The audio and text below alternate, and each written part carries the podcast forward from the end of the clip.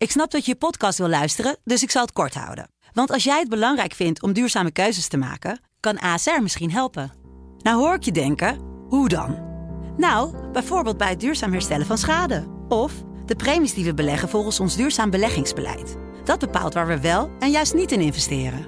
Wil je meer weten over welke duurzame keuzes ASR maakt? Ga dan naar asr.nl slash duurzame keuzes. ASR doet het. Zo, dan kan je nu lekker naar je podcast luisteren.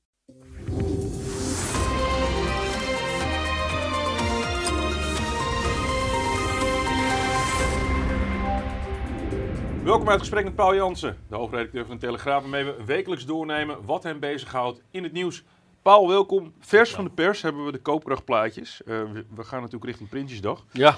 En um, ja, de verwachting was al slecht. En ah. het is slecht. 6,8% koopkrachtverlies gemiddeld. Bloedbad. Bloedbad. Uh, dit is het gemiddelde cijfer voor alle huishoudens. Uh, een beetje het risico, iedereen gaat zich op dat getal uh, doodstaren.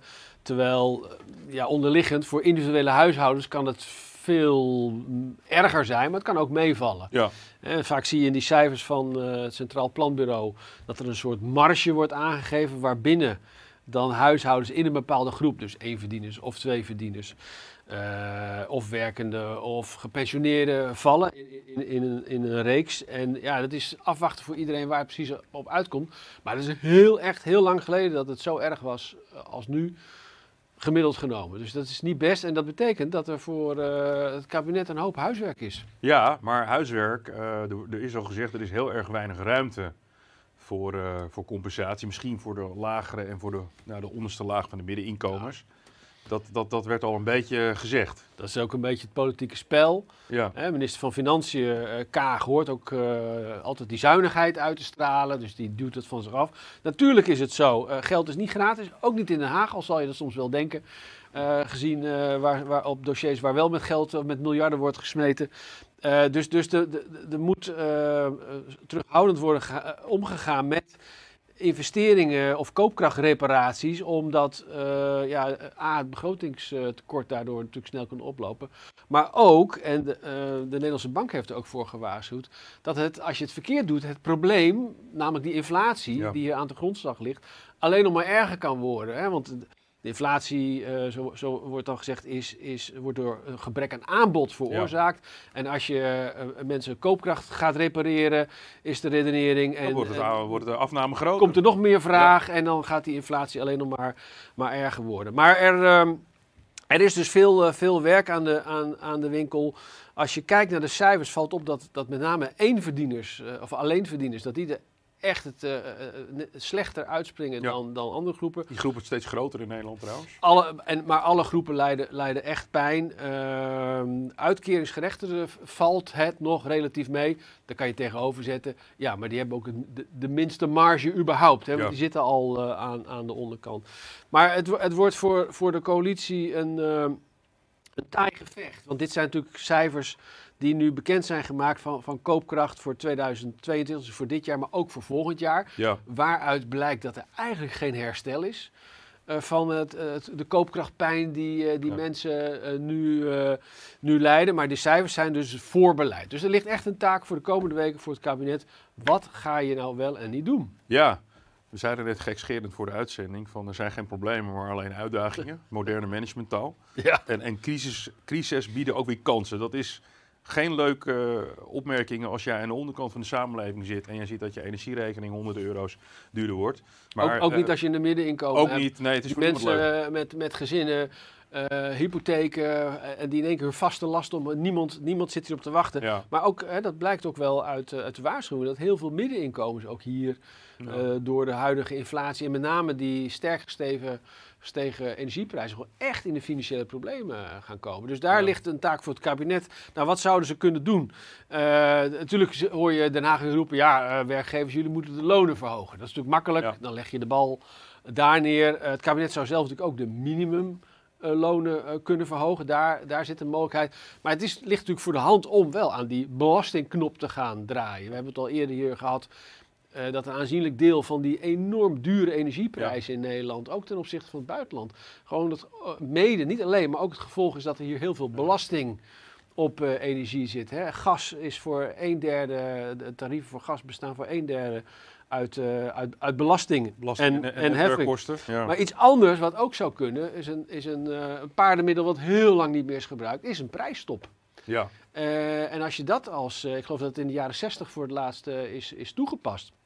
In de jaren 80 is er nog wel op gevraagd, maar toen kwam het niet door. Maar als je een prijsstop voor een bepaalde periode gaat invoeren, dan kan je daarmee ook die, die inflatie proberen binnen de, binnen de perken te houden. Ja, Ehm, ik hoor, ik, ik, ik- je benoemt wel degelijk de complexiteit van, de- van de coalitie waar ze nu voor staan. Want ehm, hoofdpijn of buikpijn, er moet, er, moet, er, moet, er ergens wat gebeuren. Ja. Maar we weten ook dat als we eenmaal dit soort reparaties willen gaan doen, dat ook het, het belasting, ons belastingssysteem, als daar veranderingen in moeten komen, dat het ook ontiegelijk ingewikkeld is.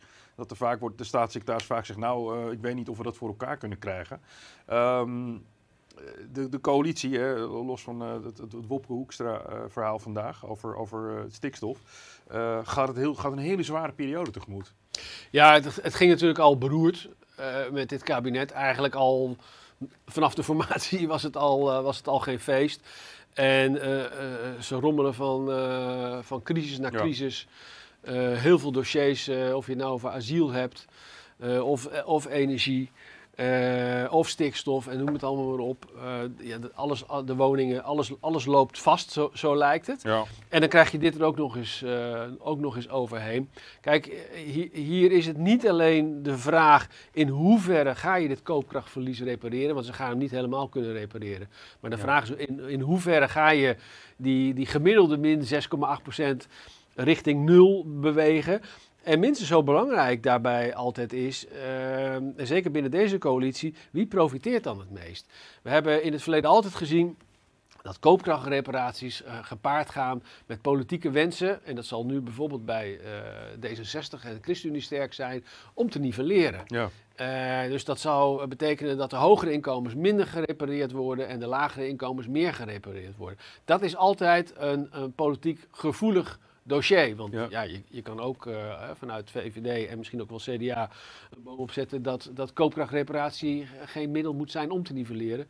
Maar dat gebeurt in het verleden, zie je dat het altijd een, een rol blijft spelen. Nou, in een coalitie waar het zagrijn eh, echt met de dag Ja. bijna lijkt eh, op te lopen, is dus de vraag hoeveel partijen, de vier partijen binnen die coalitie, willen meebewegen en hoeveel ze ook een beetje met het oog op misschien wel een crisisachtige situatie in, de, in, deze, eh, in, dit- Ja. in deze ploeg eh, Rutte, Rutte 3. eh, in, in hoeverre ze, of Rutte 4 moet ik zeggen, in hoeverre ze willen meebewegen. Dus dat, kan, dat kunnen dingen zijn die, de, die er nog eens doorheen gaan lopen. Ja. Naast het inhoudelijke verhaal, hè, zoals ik dat nu vertelde, en de opties die ervoor liggen. Dus dat wordt een heel taai gevecht. Er is weinig tijd. Ja. Met Prinsjesdag moet het er allemaal staan. En nogmaals, laten we niet vergeten dat heel veel mensen zich al afvragen... waarom duurt het überhaupt zo lang? Waarom Ja. hebben jullie niet eerder wat gedaan? Dat is natuurlijk wel, op brandstofgebied is, is, er zijn er wel maatregelen genomen. Maar tot nu toe wordt heel veel van de pijn in de portemonnee... wordt nog bij de burger gelegd. Nou, het, het verhaal dus van... Als je te veel koopkracht repareert, dat je daarmee misschien wel de problemen verergert, omdat die schaarste Ja. daarmee niet verholpen is. Dat zal ook een rol spelen. Dus het wordt een, een heel taai gevecht de komende weken. En ik ben heel benieuwd of ze hier zonder kleerscheuren uit gaan komen. Ja, want he- hebben ze niet een heel klein beetje het voordeel, voor zover een voordeel is dat dit, in, want ik, ik volg de politiek in Engeland eh, best wel intensief. We hebben Duitsland, eh, Frankrijk heeft wat rigoureuzere maatregelen genomen. Eigenlijk zit heel Europa en, en nou, kijk naar Amerika met de inflatie waar Biden mee te kampen heeft. Het is een beetje gedeelde smart op dit moment. Hè. Iedereen kampt met die internationale supply chain, Ja. die, die, die hapert. I- Ja, dat klopt. Het is niet zo dat dit een uniek Nederlands probleem is.